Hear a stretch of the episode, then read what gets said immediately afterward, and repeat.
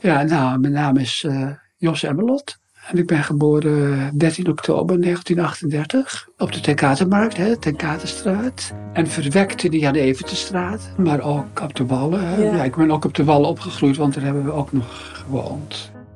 Welkom bij Verhalen uit de Amsterdamse Oven. Kleine geschiedenissen uit de grote stad.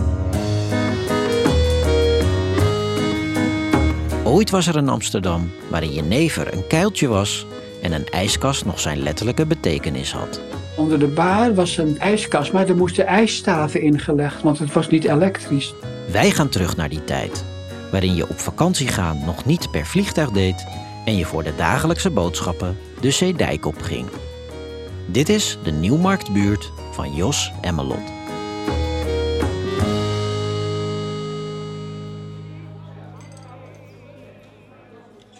Jos Emmelot is geboren op 13 oktober 1938 en is daarmee de jongste deelnemer aan deze podcastserie. Zijn familie had een kroeg aan de Oude Voorburgwal, Café Emmelot. Vandaag de dag is die kroeg er nog steeds. Op de hoek van de Lange Niesel en de Oude Zijdsvoorburgwal, vlak bij de Oude Kerk. De granieten vloer van toen ligt er nog in. Maar, hoewel de bijna 100 jaar oude kroeg nog steeds Jos familienaam draagt, is hij niet meer in het bezit van de Emmelot. Maar toen Jos een kleuter was, werd de kroeg gerund door zijn oom en grootvader, een notoire alcoholist. Ik heb hem nooit nuchter gezien. Het eerste wat hij mij leerde, dat waren allemaal bijnamen voor jenever. Dus een keiltje en een hasebassie. Grootvader zong opera's achter de bar. Want hij kon de jeneverglaasjes kapot zingen. Hij had zo'n zware stem. Uh, ja, die klanten kwamen ook speciaal voor die voorstelling hè, aan de bar. En dan, uh, ik heb het zelf nooit gezien, maar mijn moeder heeft het verteld. Zelf kwam Jos nooit in het café. Tenminste, niet als het open was. Begin jaren 40 van de vorige eeuw had vrijwel niemand een elektrische koelkast. Toch bevonden zich onder de bar van Café Emmelot echte ijskasten. De dranken die daarin stonden werden koud gehouden met, jawel, grote staven ijs.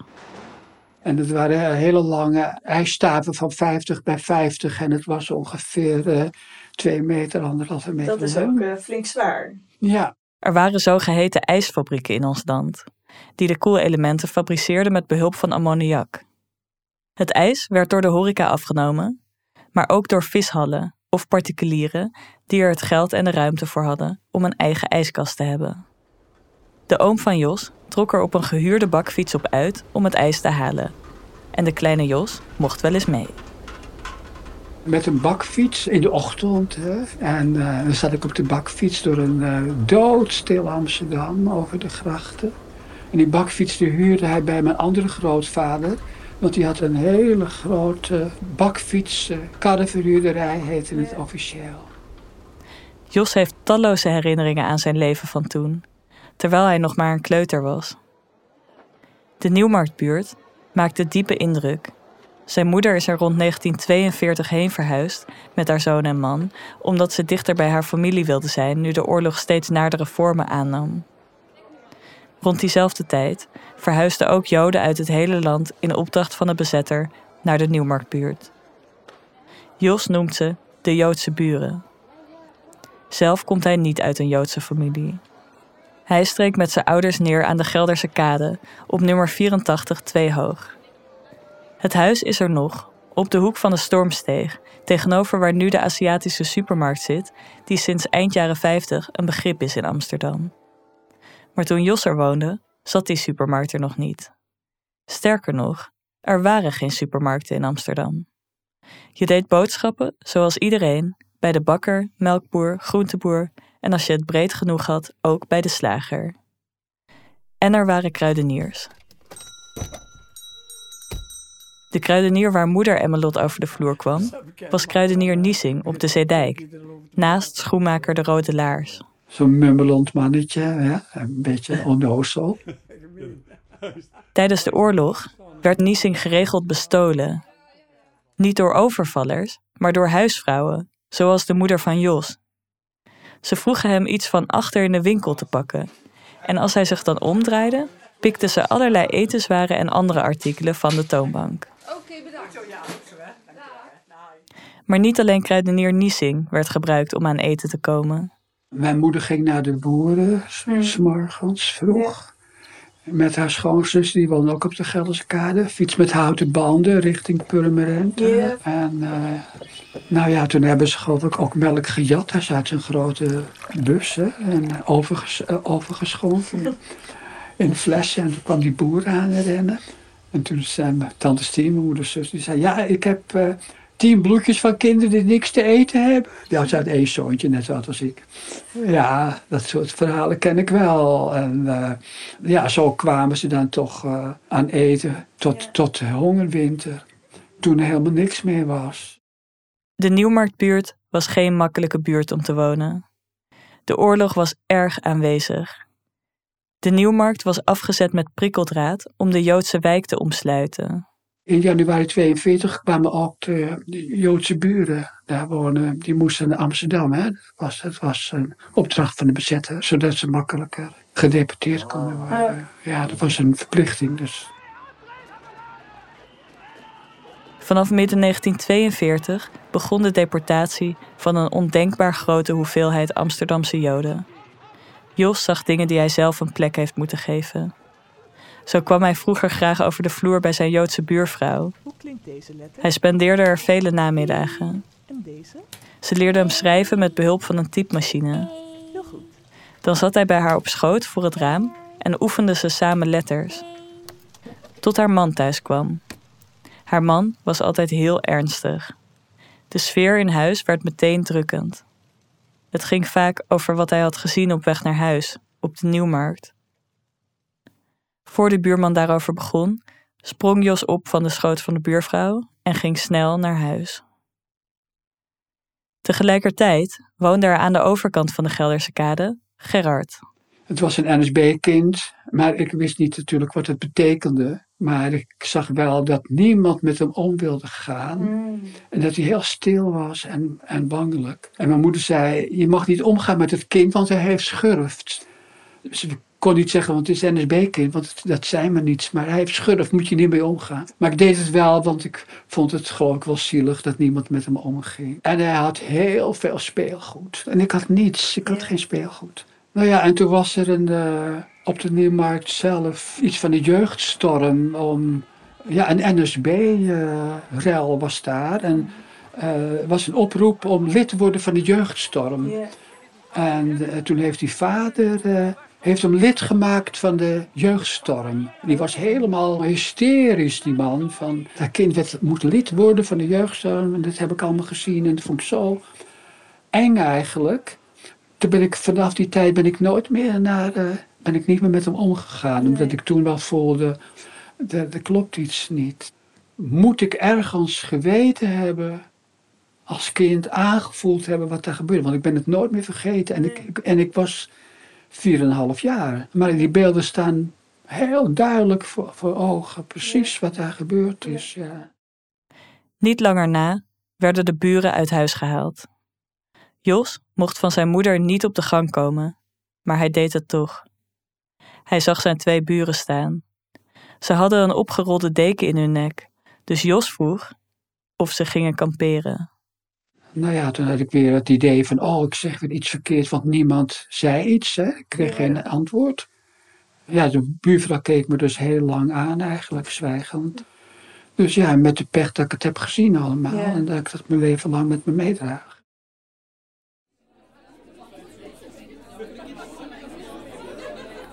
Jos was een jaar of vier toen hij onder tafel bij familiebijeenkomsten zat, waar onderling veel gehandeld en geruild werd, maar ook veel geroddeld. Jos hoorde alles wat de grote mensen om tafel over elkaar zeiden. Zo was er nicht Jansie, die zich Wil noemde, omdat ze Jansie veel te Amsterdams vond klinken. Ik heb wel eens gehoord dat ze naakt danste op cafétafeltjes voor Duitse soldaten. Dat deed ze, ja. En een tante, die een kaaswinkel had in de Kinkerstraat. Wat ze hoofdzakelijk deden was dingen, voeding ruilen. Hè. De een had nog chocola bewaard van voor de oorlog. Eh, de ander had eieren. En ik had een tante, die had een kaaswinkel in de Kinkerstraat. Dus ze hadden allemaal wat en het werd onderling geruild. En, in het café van mijn grootvader ook. Ja, dat was ook zwarte handel natuurlijk. Mijn vader kocht een piano voor twee meuten aardappelen bijvoorbeeld. Hè. En je had tante Jopie, die in het communistisch verzet zat. En een oom. Ome Joop, die heeft ook na de oorlog vastgezeten. Die eh, was fout in de oorlog. En na de oorlog wederopbouw, er werd niet over gesproken. En mijn ouders waren dag en nacht weg, ik zag ze bijna nooit. Dus er werd niet over gesproken. De hongerwinter brak aan. Jos had het geluk dat hij enigst kind was. Hij beweert dat hij zich niet kan herinneren dat hij ooit echt honger heeft gehad. Het vreemde is dat ik me van eten helemaal niets kan herinneren. Het is langs me heen gegaan eigenlijk. En, uh, ik was de enige die echte boter op brood had. En al die oh. kinderen hadden boter van melkpoeder. En ik vond boterhammen met melkpoeder veel lekker. Dus ik gaf mijn brood met echte boter aan die kinderen. Wel weet hij nog goed dat hij andere kinderen zag die echt heel veel honger hadden. Op een dag had Jos er oor van gekregen dat er iets te eten uitgedeeld zou worden in de gymzaal op school. Ja, dat was een uitdeling op school. In de hongerwinter was dat. En ja, toen stonden daar grote vuilnisvaten gemellen met aardappelen-schillensoep. En die kinderen stonden met die lange benige vingers uit te likken. En toen ze merkten dat ik dat niet lustte, vlogen ze op mijn pannetje af. Maar het enige wat ik wel weet, dat ik nooit honger heb gehad.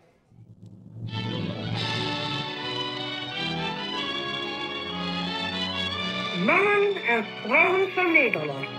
Eindelijk zijn we weer baas op eigen erf en een eigen huis. Verslagen is de vijand. Van oost tot west, van zuid tot noord. De familie Emmelot overleefde de oorlog. Ze verhuisden naar de De Wetbuurt, achter het Amstelstation, bij de Weespertrekvaart. Tegenwoordig is dat een chique buurt met koopwoningen. En je zou bijna vergeten dat de monumentale Zuidergasfabriek met het prachtige torentje ooit in werking was en dat er nog mensen leven die zich dat herinneren. De zevenjarige Jos kuierde rond in een heel andere de wetbuurt. Hij noemt het nog... Dat dorpje wat beneden aan die dijk ligt. Je had er de Bertels oliefabriek en de Blokers cacaofabriek die het straatbeeld bepaalden. En had Café de Omval, een hooggewaardeerde kroeg met uitzicht over de Weespertrekvaart. Ook vandaag de dag nog is het enigszins vervallen gebouw aan de Weesperzij een begrip. De tijd leek er heel lang stil te staan, tot 2020. Volgens de gemeente paste dit Amstelbier schenkende geval niet meer in de buurt. Café de Omval is dus ter ziele. Nu wordt het oude gebouw aan het water omgebouwd tot een circular city house met een auditorium, terras en een loungeplek. Er komen kantoren en ateliers in. Toch niet een café de omval. Nou ja, daar, heb ik, uh, daar hebben wij gewoond. Het café was van mijn vader. Het was uh, in 47. Uh, het was een café van NSB'ers. En eh, die zaten in een strafkamp. En de brouwerij, ik de Amsterdam Brouwerij, die wilde daar weer mensen Die wilden natuurlijk geld verdienen. Hè? Dus ja. mijn vader kon er zo in. De ouders van Jos kregen de kans om hun eerste kroeg te beginnen. Maar de zaken gingen niet erg goed. De omval ging failliet. En uh, toen kwam ik uit school en toen stonden alle onze meubelen op straat. En werd net mijn bed naar beneden getakeld en toen waren we dakloos. Ze vonden een nieuwe kroeg in de buurt, dat wel. Maar de NSB'er, die er eerst uitgezet was, kwam weer terug. Hij koesterde wrok tegen Jos en zijn familie. En hij ontdekte dat vader Emmelot jenever schonk, zonder dat hij daar een vergunning voor had. Die NSB-man, die zijn café en zijn huis weer terug had, die stuurde spionnen naar het café. En dan kreeg mijn vader hele hoge boetes omdat hij jenever schonk. De boetes die binnenkwamen waren niet te betalen. De schulden liepen hoog op. Wel bleven de Emmelots nog een tijd in de De Wetbuurt wonen. Vader kon in het familiecafé aan de Oude Voorburgwal terecht als barman. Moeder werkte er ook s'avonds. Zij was overdag werkster, hij was overdag koperslager. Jos zag zijn ouders haast nooit meer. Ze moesten dag en nacht werken, want ze hadden heel veel schulden. Uh, Op zondagochtend kwamen ze heel laat thuis, om een uur of zeven. Dan ging dat café om vier uur dicht, want ze werkten iedere avond, nacht in het café. Vader was naast barman in de avond, dus koperslager overdag. Maar op zondagochtend sloeg hij in op zijn zoon. En dan uh, maakte ik een geluidje, zondagsmorgens om een uur of tien. Want ze wilde uitslapen natuurlijk. Ja. En dan uh, waarschuwde me mijn vader één keer, kop houden. Dan maakte hij weer een geluidje. Nou ja, en dan kwam hij zijn bed uit in zijn onderbroek. En dan uh, nou, sloeg, sloeg hij me knock-out eigenlijk. Jos was het niet anders gewend. Het was een vaste traditie. Iedere zondagochtend moest ik zorgen. Dan draaide ik een knop om in mijn hoofd. Dat betekende leven verdedigen. En ik zorgde dat ik in de hoek van de kamer kwam. En dat ik met fietsbewegingen van links naar rechts ging. Zodat hij niet me kon raken. Maar hij uh, stompte me net, net zo lang. Tot, ja, ik had altijd een blauw ogen van bloedneuzen. Van een gezwollen lip. Iedere week, ja. De grove manier waarop vader Emmelot zijn zoon behandelde, hield niet op. Ook jaren later bleef hij fysiek geweld gebruiken. De familie was inmiddels verhuisd naar de Oude Voorburgwal. Ze woonden nu praktisch naast Café Emmelot, waarvan vader eigenaar was geworden. We zijn in de jaren 50 aangekomen. Jos is een jaar of veertien en heeft zich ontpopt tot een wat, naar eigen zeggen, vrouwelijkere jongen. En hij voelt zich aangetrokken tot mannen. Ik ben wel uitgesproken homoseksueel, zoals ze dat noemen. Het bestond officieel helemaal niet, hè, natuurlijk. In die tijd was homoseksualiteit verboden. Er patrouilleerde zedenpolitie op straat, die er mannen voor arresteerde. Er waren een paar kroegen die als ontmoetingsplek golden. Jos volgde een groep flamboyante mannen en ontdekte waar hij zo al heen kon gaan om mensen met dezelfde geaardheid tegen te komen. Uh, er waren een paar, heel weinig, maar er waren wel een paar homocafés. Maar je moest in ieder geval uh, moest 21 zijn, natuurlijk, op de eerste plaats. Het was meer eigenlijk, op zaterdagmiddag kwamen er allemaal prostituees en, en homo's. Ja, we stonden op dezelfde sociale ladder natuurlijk. Oh, ja. Helemaal onderaan. En uh, een bekende vrouw, Blonde Betsy, had een uh, bordeel in de Savatistraat. Ik vond het allemaal heel interessant. Maar het was niet zonder risico's om naar die cafés te gaan. Als de zedenpolitie langskwam, kon je niet ontsnappen. Ja, en dan werd je geregistreerd. En dan kon je niet wegkomen als je in de café zat. Dus er stonden in groepjes op straat. En er stond ook een groepje op, uh, op, het Muntplein, onder de Munttoren. En dat waren geloof ik de meer uh, intellectuele, niet, of in ieder geval studenten of zo. Die stonden daar en wij waren gewoon het plebs, het volk. We stonden gewoon heel, heel ordinair te rellen. Ja, en dan kwam de zedenpolitie en uh, die zagen we in de verte aankomen. En dan stoven we weg. Maar er waren ook mannen die niet hard konden lopen of zo. En ja, die werden meegenomen naar het politiebureau en dan werd je geregistreerd. En dan kon je nooit een baan krijgen bij de overheid of, en, en bij de gemeente al zeker niet. Maar ik kon altijd heel hard rennen, dus ik stond van. Je bent nooit gepakt? Nee. Bij het Parool, de verzetskrant die nog op de Nieuwe Zijds gevestigd was, hingen lichtbakken aan de muur waar de krant van de dag in hing, zodat passanten het nieuws konden lezen. Nou ja, dan stond je zogenaamd de krant te lezen. En dan kwam er iemand naast je staan en dan voelde je een hand. Uh, heel spannend. En dan liepen we een steegje in en uh, nou ja. Hoewel hij niet is gesnapt en nooit is opgepakt, kwam het zijn vader ter oren dat hij op terrasjes zat met mannen en wat al niet meer. Op een dag zag Jos, 14 jaar oud, zijn vader voor het raam staan. Vanuit het huis waar de Emmelots woonden, kon je uitkijken op de brug die richting Determeijer vakkleding liep. Daar kochten de vrienden van Jos hun excentrieke kleding.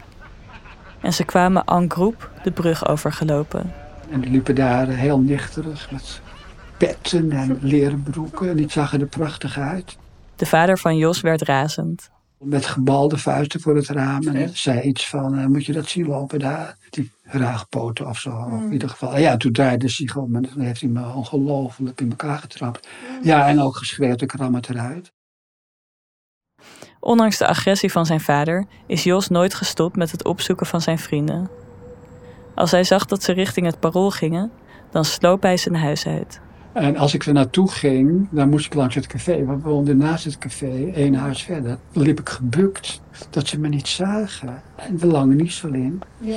naar de nieuwe sites.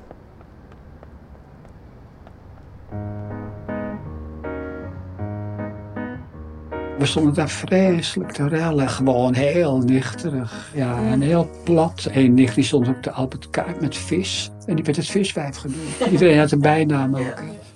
Maar goed, ik liep daar en... eh, nou, toen kwam er een man naast me lopen en die zei... het Letterlijk, ik vergeet het nooit meer, maar die zei letterlijk... Het is dun gezaaid hier, zei hij. Je hebt geluisterd naar verhalen uit de Amsterdamse Oven. In de volgende aflevering gaan we naar de Spaardamme buurt van Annie Starrenburg. Dit was een productie van Roos Helitzer en Marnix van Wijk. Met dank aan het Amsterdams Fonds voor de Kunst. Heb je een vraag, tip of opmerking? Mail ons gerust naar info.amsterdamseoven.gmail.com of stuur ons een bericht via Instagram. Graag tot de volgende keer.